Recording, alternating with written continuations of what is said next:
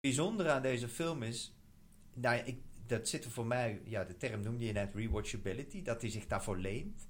Je wil hem vaker en vaker zien. Ik heb ook wel een student gehad, die, die, die, keek hem elk jaar met zijn ouders tijdens kerst, weer opnieuw. Dat was hun kerstfilm. Maar het is ook een film, kijk, dat, normaal wil je een film niet in Duitse nasynchronisatie zien. En bij deze film denk je, ah, ik moet hem ook een keer in een Duitse nasynchronisatie zien.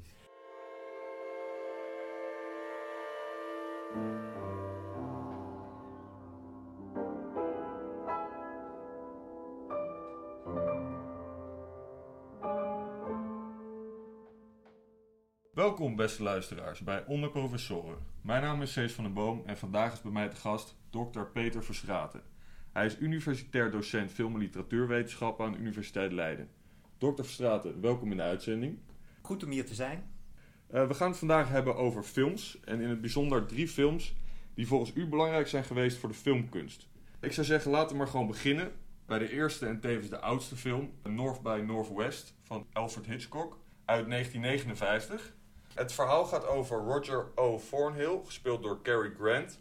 Een snelle reclameman die wordt opgejaagd door spionnen die hem aanzien voor geheim agent. Op de vlucht ontmoet hij de prachtige platinablonde Eve Kendall, gespeeld door Eva Marie Saint. Maar is zij wel te vertrouwen? Eh, we gaan eerst luisteren naar een fragment van een scène waarin Thornhill op een veiling, terwijl hij wordt achterna gezeten door zijn belagers, probeert te ontsnappen door de veiling te verstoren. I have 2250. Do I hear 25? 2250 once, 2250 twice? 1200. Sold for 2250. And now, 2250 for that chromo? number 110 in the catalog. A Louis XV carved and gilded lit de repos. Would somebody start the bidding at $750, please? Uh, how do we know it's not a fake? It looks like a fake. Well, one thing we know. You're no fake. You're a genuine idiot. Thank you. Wat kunt u vertellen over deze film? Nou, het is sowieso de film die ik het uh, vaakste denk gezien heb in mijn leven. Um, ik ben zelf opgegroeid in een periode dat je nog geen videotheken had, laat staan internet. Dus ik moest het vooral hebben van uh, films die ik op televisie zag. Want ik woonde in een dorp en uh, in de bioscoop kwam ik vroeger helemaal niet zo vaak. Ik ben helemaal aangeraakt, uh, of ik, ik, ik, ik, gewoon een slapeloze nacht ooit overgehouden toen ik denk ik op iets te jonge leeftijd Psycho heb gezien. Een nog steeds fascinerende film. Um, maar er zijn heel veel meer geweldige films van Hitchcock. Ik bedoel, je kunt er zo uh, tien noemen die echt het meeste werken zijn. En wat ik zelf het bijzondere vind aan Hitchcock, en dat geldt nog steeds in mijn praktijk ook van onderwijs geven.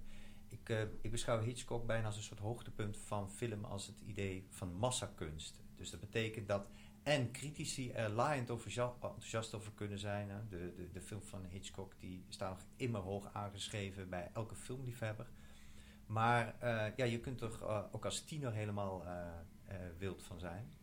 En het, het, idee dat een film tegelijkertijd heel artistiek hoog kan worden aangeslagen en ook enorm populair kan zijn, ja, dat heeft Hitchcock helemaal weten te bewerkstelligen. Er komt natuurlijk ook nog bij dat ehm, voor iedereen die film wil gaan ehm, studeren of bestuderen, dat boek dat Hitchcock heeft gemaakt samen met Truffaut, en waarin hij geïnterviewd wordt door Truffaut. Ja, dat staat met allemaal uh, vol met gouden tips. Je kunt merken dat Hitchcock ontzettend goed over zijn films heeft nagedacht. hij heeft natuurlijk zelf ook altijd gezegd: Weet je, als ik ga draaien, dan is. Weet je, op het moment dat ik ga draaien, is de film voor mij al 99% af. Dat heeft voor hem ook een heel praktisch voordeel opgeleverd, omdat hij films maakte in de tijd van het studiotijdperk, waarin de studio heel erg wilde bepalen hoe een film eruit zou zien omdat hij zo goed wist wat hij wilde, draaide hij nooit extra shots. Dus dat betekende dat men ook geen ander materiaal had om alternatieve versies uh, te maken. Hij was ook een, een auteur, toch? Hij werd gezien als een auteur van films. Dus zijn eigen stijl was heel belangrijk voor de, de uiteindelijke film. Ja, nou is het begrip auteur wordt deels ook gebruikt uh, daar waar je of heel duidelijk een stilistisch handschrift kunt herkennen, of wanneer je bij een regisseur allerlei thematische obsessies terugziet. Nou, en dat, dat geldt eigenlijk voor die films van Hitchcock. Hij heeft natuurlijk zelf wel eens gezegd, weet je, als je mijn, de, de, de rijkwijde van mijn oeuvre zou moeten zien, dan moet je enerzijds Vertigo hebben en aan de andere kant North by Northwest, hè, de films die hij vlak na elkaar heeft gemaakt. Eh, omdat Vertigo, dat is een, heel eh, dramatisch, eh, tragisch verhaal. Eh, met, vo- volop met een soort melancholische stemming. En ja, North by Northwest is ook wel een, ja, bijna een, een, een schelmenfilm. Weet je, het neigt ook richting parodie. En dat heeft natuurlijk voor een heel groot deel ook te maken met de figuur van Cary Grant. En Cary Grant, ehm, ja, dat was natuurlijk een, een acteur. Eh, die had eh, al in de jaren vanaf 1933 was natuurlijk een ster binnen het Hollywood systeem. Hij is hier al eh, 55 en eh, ja, hij is nog steeds eh, ja, eh, bijzonder charmant. Ik bedoel, wat dat betreft eh, heeft men altijd ook nog wel gezocht. Zijn er in de hedendaagse, eh, onder de hedendaagse acteurs nog Cary Grant types. Hè? Werd George Clooney genoemd als iemand die daarbij in de buurt kwam. Dus hij heeft nog steeds een ontzettend ja, eh, star appeal. En wat het geweldige is ook aan die, eh, de film, dat heeft eh, met, het, ja, met het begin eh, van de film te maken. Als hij zijn vinger opsteekt op het moment dat er ge- omgeroepen wordt, is Mr. Kaplan hier. Of telefoon van Mr. Kaplan. Hij steekt zijn vinger op omdat hij bedenkt, oh wacht even, ik had afgesproken met mijn moeder, maar ik kan die afspraak niet nakomen, ik moet een telegram sturen. Nou, en dan Russische spionnen zien hem dan aan voor meneer Kaplan. Dat had ik gemist. de dat film- ik zelf niet eens door. nou ja, de film gaat vervolgens eigenlijk om de vraag van wie is dan die meneer Kaplan waarvan de Russen denken dat ik het ben. En eh, dat, dat, dat- een van de dingen die past bij dat idee van film als massakunst is, en dat, dat is natuurlijk eigenlijk wel een spoiler, maar Mr. Kaplan bestaat niet. Dus hij jaagt op iemand die niet bestaat, maar zijn hele identificatie is dus op die figuur gericht. En dat is iets wat Hitchcock in een serie van films herhaalt, misschien wel in zijn beste films. Dan hebben we een personage, dus eh, James Stewart, die zit achter Madeleine aan, is helemaal gefascineerd door die Madeleine. En het zal uiteindelijk blijken, Madeleine bestaat niet, alleen een vrouw die haar belichaamt. Hè, een Judy die die rol speelt. Eh, waar draait Psycho om? om? Uiteindelijk om de fascinatie van Norman voor zijn moeder, voor Mrs. Bates. Maar Mrs. Bates is er al niet meer. En een van de dingen die, eh, die, die ik zelf fascinerend vind, is dus dat die identificatie in die films niet aan iemand gehecht is, maar aan, ja, je zou bijna zeggen, een leeg teken. Mr. Kaplan is, eh, ja, is er niet. Er is altijd een, een, een, een centrum in de film van Hitchcock wat oningevuld is. En daarom is het ook wel grappig, want je noemde in je inleiding, hij heet Roger O. Thornhill. Dat is ook een vraag, waar staat die O voor? En dan zeg je O nothing.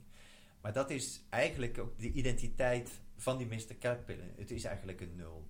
En het voordeel van zo'n identiteit die niet ingevuld is, is dat iedereen er eigenlijk kan instappen. Naarmate een personage meer achtergrond heeft, of een bepaalde uh, culturele, etnische genderidentiteit, uh, dan kun je zeggen, oh, maar wacht even, dat staat ver van mij af. Ik kan hier al mee moeilijker mee identificeren. Maar iets wat oningevuld is, dat laat zich makkelijk identificeren. En deze North by Northwest is deels als een soort blauwdruk gaan fungeren uh, voor de spionagefilm van James Bond. Het, hier hebben wij een reclameman die per ongeluk in een spionageplot terechtkomt. Uh, zonder, dat hij die, zonder dat hij eigenlijk een geheim, een geheim agent is. En bij James Bond is dat uiteindelijk het geval. Maar James Bond, dat is tenminste een van mijn uh, indruk van de films, is zelf eigenlijk het lege teken. Hij, krijgt, hij is iemand die van zichzelf niks is, geen specifieke ambitie heeft, maar hij moet een opdracht krijgen. Hij moet een opdracht krijgen en dan is dat altijd een soort afgebakende opdracht. Dit is er aan de hand en jij moet nu gaan anticiperen. Dus het is niet omdat hij zelf iets op gang zet, maar omdat hij wordt ingezet om ergens op te reageren. Maar in zekere zin was het dus wel het, het, het, prototype voor de Bondfilms. Want je hebt aan de ene kant heb je um, een duidelijke Bond-villain. Ja. Uh, dan heb je Eva Marie Saint, het is dan een duidelijke Bond-girl ja. eigenlijk. Bijvoorbeeld als je kijkt naar de scène uh, die mezelf heel erg aansprak. Scène met dat sproeivliegtuigje, waarin mm -hmm. hij, hij staat ergens te wachten, uh, maar weet niet zo goed op wat. Ergens in the middle of nowhere. Uh, tussen allemaal graanvelden. Mm -hmm. En dan komt er in één keer zo'n vliegtuigje en die, die, die, die zweeft eerst een beetje rond. En die komt uiteindelijk op hem af, op hem af met, een, uh, met machinegeweren en begint op hem te schieten. Mm -hmm. En dat vond ik eigenlijk typisch een scène die je ook zou kunnen uh, zien in een Bondfilm. Ja, het wordt eigenlijk een Bondfilm op het moment dat hij zijn moeder niet meer ziet. Dus in het begin van de film is eigenlijk zijn moeder is een beetje de stoorzender in zijn leven. Dat zal later ook blijken, want hij zal zeggen: Joh, ik ben een paar keer getrouwd geweest, ik was alcoholist. En dat je ook denkt: ja, maar met die moeder die hem echt als een kleine jongen de hele tijd beha- behandelt. Ze heeft maar een paar scènes, maar elke keer met badinerend en ironisch commentaar naar haar zoon. En het, het idee van, oh wacht even, er zwaait wat als ik mijn moeder niet op tijd inlicht. Dus ik moet nu snel een telegram. Dus die moeder is belangrijk in North by Northwest. En hij moet eigenlijk van die moederband loskomen. En dat gebeurt, ja, zeg maar, vanaf het moment dat hij Eve ontmoet. Vanaf dat moment kan, zeg maar, het James Bond plot zich pas gaan ontrollen. En die moeder komt ook niet meer terug in de film. Dus Je eigenlijk, zou- eigenlijk een soort Freudiaans element. ja, Waar- Waarvan ik had gelezen dat, dat Hitchcock dat ook wel vaker gebruikte. Bijvoorbeeld eenmaal op het eind, ik denk niet dat dit echt een spoiler is, maar ehm, er zijn dus Thornhill en, eh, en Kendall. Eh, die zitten samen in een trein en dan gaan ze met elkaar zoenen. En dan het laatste shot is een trein die een tunnel inrijdt. Ja. Dus dan weet je wel ongeveer wat er wordt gesuggereerd. Ja, maar dat is een van de redenen waarom ik juist North by Northwest ook echt geweldig vind. Het is ook een film die bijna richting de parodie gaat. Weet je? Hij doet het hier bijna zo opzichtig dat je, dat je denkt, ja, dit is, dit is ook flauw. Dus hij maakt tegelijk, dat, dat vind ik het knap aan deze film. Hij maakt eigenlijk een, een, een spannende avonturenfilm over een reclameagent. Een reclameagent, eh, weet je, die is al in, in, in, in een, in, in een eh, business die draait om alles wat met eh, bedrog te maken heeft. Hè, weet je, met iets voorspiegelen. Dan moet hij dus eh, iemand gaan volgen die uiteindelijk niet bestaat. En uiteindelijk, dat is ook misschien wel de meest eh, frappante scène. Weet je, hij moet eigenlijk elke keer improviseren. Hij moet elke keer een spel spelen. Het fragment dat je hebt gehoord, dat er is, hij is ingesloten. Dus hij weet, de Russen kunnen me oppakken. Ik word liever door de politie opgepakt dan dat de Russen mij pakken. En dan gebruikt hij het publiek van de, van de veiling, dat niet weet wat er aan de hand is en die alleen maar over hem kan denken, dat is een idioot. Maar zij zijn eigenlijk de onschuldige eh, omstanders die voor hem een soort bescherming vormen tegen die Russen. Want die Russen kunnen niet ingrijpen eh, door de aanwezigheid van het publiek. En dan, dan komt de politie en die redt hem. En zo'n zo'n stramien, dat Hitchcock daar weer mee speelt, eh, dat, dat, is, dat, is, dat, eh, ja, dat doet hij echt briljant. En bij, bij, ehm, op een gegeven moment krijgt hij te horen: die Kaplan bestaat niet, maar wij willen nu dat jij hem blijft spelen. Dat zegt dan de CIA. Die zeggen: daar hebben wij heel veel profijt bij. En op het moment dat hij gevraagd wordt om te spelen, dan speelt hij weer zo goed. Weet je, hij, eh, er wordt met losse vlodders op hem geschoten. Dan speelt hij weer zo goed dat hij ook daadwerkelijk geblesseerd raakt en in het ziekenhuis belandt. Dus hij, dit is ook een film die niet gaat om eh, iemand met een soort identiteit, maar die eigenlijk op zijn best is als hij elke keer aan een soort rollenspel kan worden eh, onderworpen. En de film die, ja, die doet dat met, ja, je zou bijna zeggen, met zo'n zichtbaar plezier dat je ook eh, kunt denken, ja, het, het, is- het is bijna net te. Maar Hitchcock had ook bedacht, ik zit nu op een punt in mijn carrière dat ik zo'n film durf te maken. Want in feite is deze film een nieuwe versie van een film die al in 1935 gemaakt had toen hij nog in Engeland werkte. Dat is een redelijk serieus spionagedrama. En hier dacht hij, ja, nou ga ik hem echt met een ironische knipoog aanlengen. Nou, top. ik denk dat we nog heel lang over verder kunnen praten, maar ehm, we moeten door, want we hebben nog twee films. De tweede film is een van mijn favorieten, The Big Lebowski. Eh, ik heb hem zelf denk ik wel twintig keer gezien, denk u ook wel. En de reden waarom we hem zo vaak hebben gezien, daar, kunnen we het ook nog eh, over hebben. Eh, over de rewatchability als het ware. De film komt uit 1998, geregisseerd door Joel en Ethan Coen, ook wel bekend als de Coen Brothers. Coen Brothers zijn ook bekend van Fargo, onder andere, en ehm, No Country for Old Men. Ook weer totaal verschillende films. Eh, het verhaal van deze film eh samenvatten is eigenlijk heel lastig, omdat het echt all over the place is, totaal eh, chaotisch. Maar ik zal het toch even proberen. Het verhaal gaat over Jeffrey Lebowski, beter bekend als The Dude. Hij is een blowende pacifist met een voorliefde voor bolen. Eh, bandieten zien hem aan voor een oude miljonair met dezelfde naam en zo raakt hij verwikkeld in een mysterie. De dude wordt gespeeld door Jeff Bridges en zijn bolvriend Walter Sobchak, een Vietnam-veteraan, wordt hilarisch vertolkt door John Goodman. We gaan luisteren naar een iconische scène waarin Walter tijdens een boltoernooi een pistool trekt omdat de tegenstander met zijn voet over de streep ging. Over the line! Huh? I'm sorry, Smokey. You were over the line. That's a foul. Bullshit. Mark it eight, dude. Uh, excuse me. Mark it zero. Next frame. Bullshit, Walter. Mark it eight, dude. Smokey, my friend. You're entering a world of pain. Walter, man. You mark that frame in eight, you're entering a world of pain. I'm not. A world of pain. Look, dude, I, this is your partner. Has the whole world gone crazy? Am I the only one around here who gives a shit about the rules? Mark it zero. They're calling the cops, man. Put the piece away. Mark it zero. Walter, put the piece away. Walter? You think I'm fucking around here? Mark it zero. Deze scène is later ook nog een bekende meme geworden. Ik weet niet of u dat ooit heeft gezien. Eh, maar dat is dus een foto van die Walter Sobchak. En dat begint dan met de woorden... Am I the only one around here? En dan moet je de rest zelf maar invullen. Eh, in mijn optiek zet deze scène eigenlijk de toon voor de rest van de film. En eh, dan wil ik u vragen, wat maakt deze scène en in het verlengde daarvan eigenlijk de hele film nu zo apart en ook goed? De Big begon natuurlijk bij een soort plotweergave. En eigenlijk kun je dat bij deze film ook zo goed als laten zitten. En ze hebben natuurlijk zelf ook bedacht, eh, toen, toen, gewezen werd op...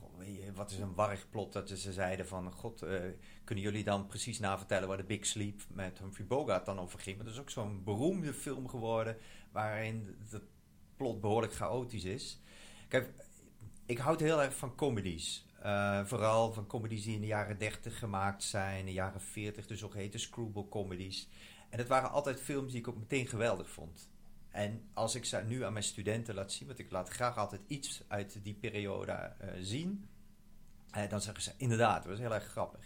Dan heb ik zelf de Big Lebowski gewoon gezien eh, toen die uitkwam, in 1998.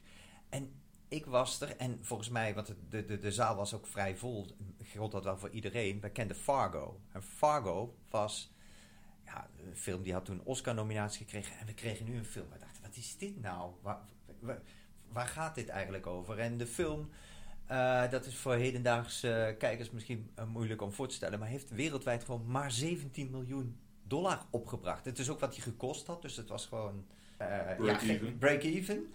Um, en geen Oscar-nominaties ook. En geen Oscar-nominaties, dat vonden we allemaal terecht. Ik, ik heb ook wel eens mensen van mijn generatie gesproken, die hadden allemaal van, ja, die film van toen. Ik weet dat Johnny Romme, de schaatser, die was altijd een uitzondering. Uh, die, die hoorde ik, dat was de eerste keer dat ik dacht van, hè? Die zei, toen, toen ze hem vroegen over film kijken, zei hij, oh, ik kijk alleen maar naar de Big Lebowski. Dat ik dacht, hè? Wat, die, ja, we moeten misschien toch nog een keer gaan zien. En wat er met de Big Lebowski uiteindelijk is gebeurd, het is ongeveer vier jaar later, nadat de film uh, daadwerkelijk in de bioscoop had gedraaid, ging men die Lebowski Fest organiseren. Omdat er wat, wat jongeren bij elkaar stonden en zeiden, dat was toch een te gekke film. En die dachten, wij gaan die gewoon hervertonen. En dat werden echt fest, festiviteiten. Het, het, is, kijk, dat vind ik het mooie namelijk aan cult. Is ook de reden waarom ik deze film uh, eigenlijk wilde uh, kiezen. Cult heeft heel vaak iets van een soort specifieke doelgroep. Is misschien wel de belangrijkste doelgroep, nou laten we zeggen, mannelijke studenten. Die, die, die, die, daar, wat het bleek heel erg aan te slaan in studentenhuizen. En uh, kijk, met cult is het. Cult, je kunt geen cultfilm maken. Dat vind ik het mooie. Cultfilm is iets wat ontstaat. En de Big Lebowski, die voldoet aan geen enkele scriptwet. Uh, die, uh, hoe maak je een succes bij deze film? Die, die valt daar helemaal buiten. Die doet alles precies wat het film eigenlijk geen succes maakt. En is als een succes ontstaan. Dus het, alleen maar zit het in de manier waarop de film uiteindelijk ontvangen is. En wat het bijzondere aan deze film is. Kijk, ik ging vroeger heel vaak naar videotheken. En als ik dan opnieuw, bijvoorbeeld drie jaar later een film meenam die ik dus al ooit geleend had, dan zei degene aan de kassa van, ja, weet u dat u deze film al ooit gezien hebt? Nou, de Big is de uitzondering. Dat is de film die je maar kunt blijven kijken en dat is maar een heel select clubje. Wat dat betreft is, is, is de film bijna eerder uh, als een favoriet nummer. Als je een geweldig nummer hebt, nou ja, dat draai je uh, tien keer in een week. Uh, maar bij film is het doorgaans de regel, nou die kijk je een keer en als je daarna nog een keer erin valt, zeg je, oh ja, die heb ik al ooit gezien. En de Big Lebowski is dus gaan groeien naarmate je de film vaker zag, naarmate je de dialogen kon gaan reproduceren. En wat er vooral ook gebeurde met die zogeheten uh, Lebowski Fests. In Nederland hebben we dat ook wel eens een enkele keer gehad. Ik weet dat men ooit op 8 maart, op Internationale Vrouwendag, het georganiseerd heeft van dan hebben de mannen ook wat die dag.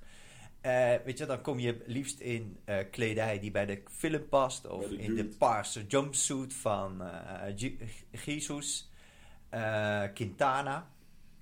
Ehm, je gaat White Russian drinken. En de film, die onderga je dan ook niet in, weet je wel, zwijgend. Hè? Normaal moet je altijd stil zijn tijdens een bioscoopvertoning. Maar hier mag je gewoon meedoen eh, met de dialogen. Dus dit is ook een film die eh, veel meer een event is. Je hoeft de film dus in die zin ook niet te gaan interpreteren. Waar gaat die over? Kijk, als je mij zou vragen waar gaat die over... en misschien zit, zit daar ook wel de aantrekkingskracht in.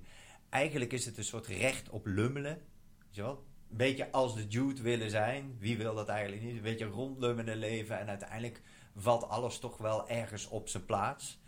Ehm, maar ik vind het ook een mooie film. Of wanneer ik hem dan toch naar iets van een niveau in interpretatie trek. Dat het ook iets zelfrelativerends heeft. En weet je, je zit natuurlijk toch in een soort neoliberaal klimaat. Waarin iedereen moet proberen om zijn eigen succes te gaan creëren.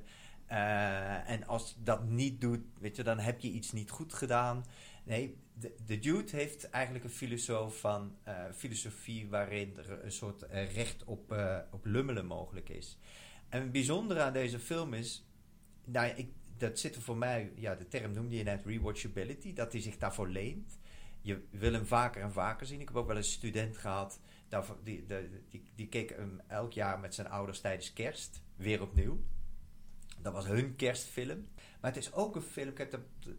Normaal wil je een film niet in Duitse nasynchronisatie zien. En bij deze film denk je, ah, die moet hem ook een keer in een Duitse nasynchronisatie zien. Het grappige aan de film is ook dat er allerlei dialogen in verbasterde versies zijn. Hè? Dat het een beetje een soort milde censuur is eh, toegepast. En dan krijg je een zin eh, als... ehm, eh, when, when you meet a stranger in the Alps. Hè, oorspronkelijk zegt Walter iets heel anders dan dat. En eigenlijk alles wat afwijkt van het ondergaan of het zien van het origineel... draagt eerder bij aan de attractiewaarde dan dat het er een afbreuk aan doet. En dat maakt het, de film ja, als iets wat, ehm, ja, wat, wat, wat bijna een unieke status heeft gekregen. En wat ik wel het mooie vind, het laat zich ook niet herhalen. Ik denk dat de Coen Brothers wel pogingen daartoe gedaan hebben. Hè, ze maken eerst een serieuze, tragische film zoals Fargo en dan een, een, zeg maar een oddball versie, een film die nergens op slaat. En dat hebben ze natuurlijk vaker gedaan. No Country for Old Men kregen we Burn After Reading. Is eigenlijk geen, geen pijl op te trekken. Nee, maar ze doen vaak wel zo'n stramien van... Er, gaat elke keer een film tussendoor. Naarmate ze een beetje serieuze, tragische films hebben gemaakt... dan maken ze vervolgens eigenlijk bijna zo'n soort tegenwicht iets... wat kan nog wel raakt. Nou ja, en bij Heel Caesar heeft dat succes zich eigenlijk niet herhaald. Dat geldt ook voor Burn After Reading. En wat ik, wat ik, eh, waardoor ik ze vooral ook nog krediet geef... is dat ze ook nooit gepoogd hebben om een sequel te maken. Had nooit gewerkt volgens mij. Een The Big Lebowski Er deel een- 2. Er is een sequel gemaakt met dus die Quintana. Mhm. En dan gaan we er wel heel diep op in. Maar er is een, eh, in 2018 geloof ik een vervolg gemaakt. Volgens mij wel met, met de goedkeuring van dus de Coen Brothers. Is nog niet uitgebracht. Ik weet ook niet of het zou werken. Nee, ja, John Turturro heeft aan ze gevraagd: zou je er bezwaar tegen hebben als ik het personage eh, van Quintana nog een keer zou spelen? Volgens mij zou de film Going Places gaan heten. Ehm, en dat, eh, nou ja, dat is het. Ja, nogmaals, het is geen sequel natuurlijk van waarin opnieuw eh, Walter Sobchak en, eh, en de Jude zelf de hoofdrollen spelen. Er zijn ook wel vergelijkingen te trekken tussen de Big Lebowski en North by Northwest. Omdat, om te beginnen gaat het in beide gevallen om eh case of mistaken identity. Ja, Ehm, ze worden allebei aangezien voor iemand anders. En zo eh, rollen ze eigenlijk in, in, in, in een soort eh, mysterie waar ze aanvankelijk weinig vat op hebben. En het verschil, eh, zoals, ik het, zoals ik het zag, is dat bij de Big Lebowski eigenlijk is een, als het ware een detective op zijn kop. Dus waar je bij een Mhm. detective film, zoals bijvoorbeeld North by Northwest, in zekere zin, eh, dat alles leidt tot, tot iets. Dus alles is een clue en, en heeft een vervolg. En in de Big Lebowski is het eigenlijk precies andersom. Dat alles leidt tot niets. En je hebt eh, een scène die, die is eigenlijk exact hetzelfde in, in allebei de films. Namelijk dat ehm, eh, de ene personage ziet de andere personage iets opschrijven op een eh, klapblok. eh, loopt vervolgens weg. En, Ja. en die personage die trekt het dan over met een, met een potlood. En in het geval van eh, North by Northwest staat er dan een adres. Ja. Nou, dat is dan de volgende clue. In The Big Lebowski heb je Jackie Treehorn, dat is een pornomagnaat. En die, eh, die moet op een gegeven moment bellen. En die schrijft het op een papiertje, neemt het mee, loopt weg. Dan komt de dude met een potlood, trekt het over. En wat staat er? Een, een mannetje met een hele grote piemel. Ja. Leidt tot helemaal niks. Nee. Dus in zekere zin is het bijna een soort spoof op detective films, zoals Ja. ik het eh, in- interpreteerde. Ja. Volgens mij hebben ze eh, The Long Goodbye, dat is een, een beetje anti-detective uit 1973 van Robert Altman ook als een soort voorbeeld genomen. En dat is ook een detective die de hele tijd denkt, en nou citeer ik uit de eh North by Northwest, ehm, daarin noemt een keer eh, Cary Grant, this is a harebrained scheme. Nou, dat is de, de, eh, Long Goodbye, dus een detective die de hele tijd niet snapt, wat, wat is er aan de hand, wat is er aan de hand, tot hij dus helemaal aan het eind bedenkt, oh wacht even, ik was eigenlijk iemand die gebruikt wordt door mijn vriend. En daardoor snapt hij ineens helemaal aan het eind pas hoe het in elkaar steekt. Nou, en eh, dat idee van een anti-detective, dat zie je dus eigenlijk hier. Want hier is natuurlijk ook dat de Jude uiteindelijk snapt... eh, oh, wacht even, ik word ergens gebruikt in een soort eh, groter plan. De laatste film en meest recente film ook, eh, Parasite. Het is een Zuid-Koreaanse film, kwam uit in 2019. De regisseur is Bong Joon-ho. Parasite won als eerste niet-Amerikaanse film een Oscar voor zowel beste buitenlandse film als voor film van het jaar. Het verhaal gaat over een arm gezin in Seoul, waarvan de leden zich één voor één hechten aan een rijk gezin. Beter dan dat kan ik het plot ook eigenlijk niet omschrijven. Het is een, eh, eh, een absurde film. Ik heb hem in de bioscoop gezien en ik was helemaal blown away. Toen ik, toen ik die, die, bioscoop uitliep, ik wist gewoon niet hoe ik moest reageren ook naar mijn vrienden toe. Van wat voor film was dit? Ik weet het niet, maar het, was, het liet een ongelofelijke indruk achter in ieder geval. Nou, deze film heeft dus ook best film van het jaar gewonnen. Hij is in het Westen heel, eh, heel groot, eh, heel bekend geworden. En dan is mijn vraag, waarom heeft deze film zulke hoge ogen gegooid? En dan met name in het Westen. Ehm, ik weet dat de regisseur Steven Soderbergh, en dat was voordat ik deze film gezien had, kwam ik een quote tegen waarin hij zei: Soms heb je dat iedereen zegt dat een film heel erg goed is, en dan is die ook heel erg goed. En, en dat gaf hij natuurlijk aan, dat is eigenlijk een uitzondering. Er zijn altijd van, van die mensen die zeggen: Ja, nee, dit, dit, dit was eigenlijk niet. En Parasite was dus zo'n film, iedereen vond hem eigenlijk goed. En ehm, kijk, ik had zelf al langer een belangstelling voor, voor Koreaanse cinema. Ik geef er ook college over. En als ik dat, dat begin ik dan ook meestal met te zeggen: als elk land eh, de laatste 20 jaar de 15 beste films zou mogen uitvaardigen, eh, eh, dan, dan zou de top 15, wat mij betreft, echt de Koreaanse cinema zijn. Dus ik, ik had het al, eh, langer. En ik weet dat Tarantino, die was destijds heel enthousiast over een andere film van Bong. En toen dacht ik, hé, hey, dat, dat moet ik dan zien. Dat was Memories of Murder. Dat was uit eh, 2003. En ook een- echt een geweldig goede film. En misschien, wat mij betreft, echt zeker van het niveau van, van Parasite. Dus ik wist dat die film eh, natuurlijk in Cannes eh, goed gescoord had. Het duurde even. Het was, ik weet nog dat ik er naartoe ging. En dat ik die nacht slecht geslapen had, gewoon al van de zenuwen. En ik, ik heb dat wel eens vaker met films. Ik had het ook met eh, de film Burning van Chang Dong-lee. Dus Chang Dong-lee is een andere Koreaanse filmmaker die ik echt geweldig vind. En bij deze film ja, krijg je precies dat wat die Hitchcock-films ook hebben. Met name misschien wel North by Northwest. Iedereen kan er eigenlijk wel op, op aanhaken. En wat ik, ehm, wat ik ook bijzonder vind, want ik was nog steeds in afwachting van de film. Ik zag de trailer. En die trailer is ook heel slim, want die gaat vooral over het eerste uur van de film. Dat is daar waarin de arme familie die in een souterrain woont, eh, in zich heel weet te integreren eh, om de hofhouding te gaan vormen van een rijke familie. Op zich had dat al een film kunnen zijn. Ja. Gewoon het, eh, de, de, eh, de hele situatie waarin de- dat gezin intrekt bij het andere gezin en ze delen een geheim. Ja. Dat had al een film kunnen zijn. Het was niet een hele goede film geweest. Ja. Maar daarna wordt het pas echt een geweldige film. Ja. Kijk, je hebt het, het zogenaamde subgenre van de home invasion films. hè. Daar zijn hele goede voorbeelden van. hè. Nederland heeft dat ook bijvoorbeeld met Borgman. Maar als je deze film tegenover Borgman zet, dan kun je ook zeggen... Ze, ze, ze zijn elkaars tegenpool in de zin dat... eh, Borgman eh, begint dat je denkt, hé, hey, dit wordt een tragedie. Er is iemand die eh, wil dit huis binnentreden omdat hij uh, bruut behandeld is terwijl hij iets vroeg. Weet je, mag ik een bad nemen? Maar Parasite eigenlijk precies andersom doet, is het begint eerder eigenlijk best komisch. Je, dat is grappig om te zien. Die arme familie en die sluwe plannetjes die ze hebben. En hoe ze infiltreren in die parkfamilie. zonder dat ze dat gezin eigenlijk kwaad berokkenen. Het is, er, zit geen wraak of zo in. Nee, ze willen gewoon voor zichzelf een betere positie creëren. Daarin kunnen we natuurlijk ook allemaal wel mee sympathiseren. En eh, nou ja, dan hebben ze een keer, weet je, dat als de kat van huis is, dan gaan ze, zeg maar, dan dansen de muis op tafel.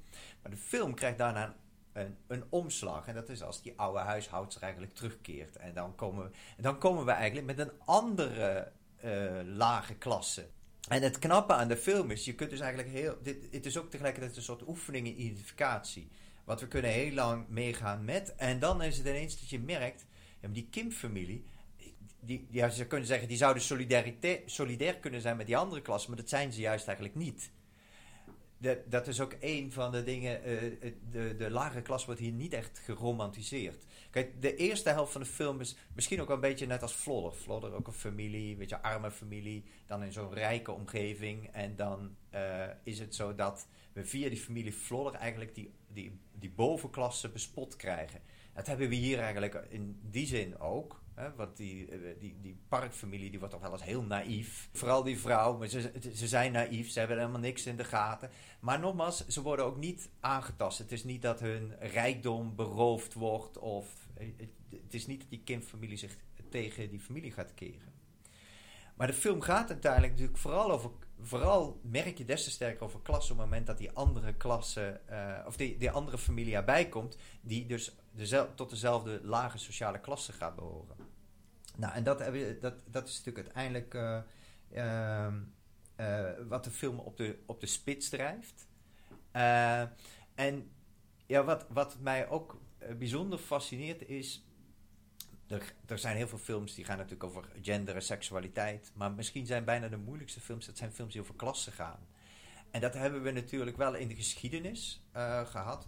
In, in bijvoorbeeld de Britse cinema rond de 1960. Dat waren bijna allemaal films die speelden zich in een, in een laag milieu af. En dat ging over iemand die ging opklimmen. En die films die hebben ook bijna allemaal een teneur waarin je ziet dat gaat uiteindelijk niet lukken. Weet je, er is bijna geen grotere barrière dan van een lagere klasse opklimmen naar een hogere klasse. Wat hij dus gedaan heeft, en ik denk dat dat ook heel goed werkt, hij heeft best veel invloeden gehad. Je kunt zelfs een invloed van Psycho nemen. In de zin dat, weet je, dat uiteindelijk Mrs. Bates die moet naar de kelder. En uh, nou ja, dat, uh, weet je, de, de, de ruimtelijke fascinatie die in, in het werk van Hitchcock zit. Dus hij heeft ook heel veel invloeden opgenomen. Of overgenomen of verwerkt in een nieuwe film. En kijk, wat ik... Um, ik, ik, waar, ik zelf visueel heel sterk ooit door gefascineerd ben geweest. Ik, had een, uh, ik heb ooit stage gelopen bij de Volkskrant. En daar was toen een fotograaf. En die was ook stagiair. En die wilde graag een contract krijgen. En die heeft een contract gekregen toen hij een foto had gemaakt van de oude George Bush die toen in Nederland kwam. En hij is op 200 meter gaan staan van de manier waarop die auto's reden. En de, de, foto die hij toen gemaakt heeft, het had net geregend, dat wegdek was aan het glinsteren, je had nog die donkere luchten, bleek exact dezelfde compositie te zijn als de schilderij van Malevich. Dus iedereen riep dat is een mooi schilderij. En dat, wat, wat, uh, wat Bong gedaan heeft, is, hij heeft weliswaar een Koreaanse film gemaakt, maar heeft hem helemaal, ja, zich laten inspireren door allerlei bestaande invloeden, waardoor het voor kijkers over de hele wereld ook makkelijker is om uiteindelijk in zo'n film in te stappen. Ook westerse invloeden. Vooral ook westerse invloeden, want ik noemde juist die Britse film, maar natuurlijk een Japanse film, maar Hitchcock uh, zit erin. En hij drijft dat dus met name op de spits, want ik zei al, daarom wil ik hem wel presenteren als een beetje het omgekeerde patroon van Borgman. Borgman die eigenlijk, waarvan je denkt, hé, hey, dat gaat een tragedie worden. En daarna denk je, waar gaat die film nou toch naartoe? Dat is omdat van Warmerdam juist niet zo'n film wil maken. En uh, Bong heeft heel nadrukkelijk wel een film willen maken waarin we eigenlijk na gaan denken over, uh, over klassen. Maar ook een film waarin het uiteindelijk toch moeilijk is gebleken voor die lage klasse. Kijk, het gaat helemaal goed voor die Kim-familie. Tot ze eigenlijk die familie in de, in, de, in de kelder ontdekken. Of die man die daar nog eh, zit. En weet je, als je namelijk het einde op je laat inwerken. Ja, die, die vader die komt in de kelder terecht. De zus gaat, gaat dood. En zij zitten zelf weer in dat oude souterrain. Dus- eigenlijk, eh, dat, dat, dat vind ik ook het knappe aan die film. En ook dat het zo'n groot publiek heeft getrokken. Is omdat het plot is zo onwerkelijk. Maar toch, die film neemt je zo mee in stappen. En het wordt steeds absurder. Totdat je uiteindelijk ook daarin mee kan gaan. In, in, in hoe de film uiteindelijk ehm, zich ontvouwt. Ja, er zijn, er zijn, er zijn twee elementen die, die zijn relatief marginaal, die ik heel interessant vind. Kijk, het hele eerste deel is plan. Een goed plan. Weet je, de- deze situatie doet zich voor, wij maken een nieuw plan. Dus we gaan helemaal voorbereiden wat die vader moet doen, zodat hij kan worden geaccepteerd. En op een gegeven moment, als ze helemaal in de problemen zitten, zegt die vader, ja, ik heb een plan. En dan willen ze de volgende weten wat het plan is. Zegt, ja, ik heb geen plan. Want als er een plan is, dan loopt toch altijd een war, dus dan kun je beter geen plan hebben. Want je kunt niet teleurgesteld zijn. Weet je, een geweldige paradox in het nadenken. Weet je, wel, hoe de, hoe de eerste en de tweede helft van de film zich tot elkaar verhouden. Bijna als, als elkaar eh, tegenpolen. En dan heb je nog bijvoorbeeld ook die steen. En het geweldige aan die steen is, die krijgen ze. En dan is iemand die zegt, ja, weet je, dat, het moet eigenlijk een soort talisman voor jullie zijn. En je ziet vanaf dat moment, ja, dat, dat, dat gaat ook helemaal die kant op. En eigenlijk gaat het mis op het moment dat ze die steen gaan gebruiken voor iets wat een steen namelijk ook kan zijn. Namelijk iets om iemand zijn hersens eigenlijk mee te willen inslaan. Dus als het, als het niet als een talisman is, maar ook een soort gebruikt voorwerp wordt.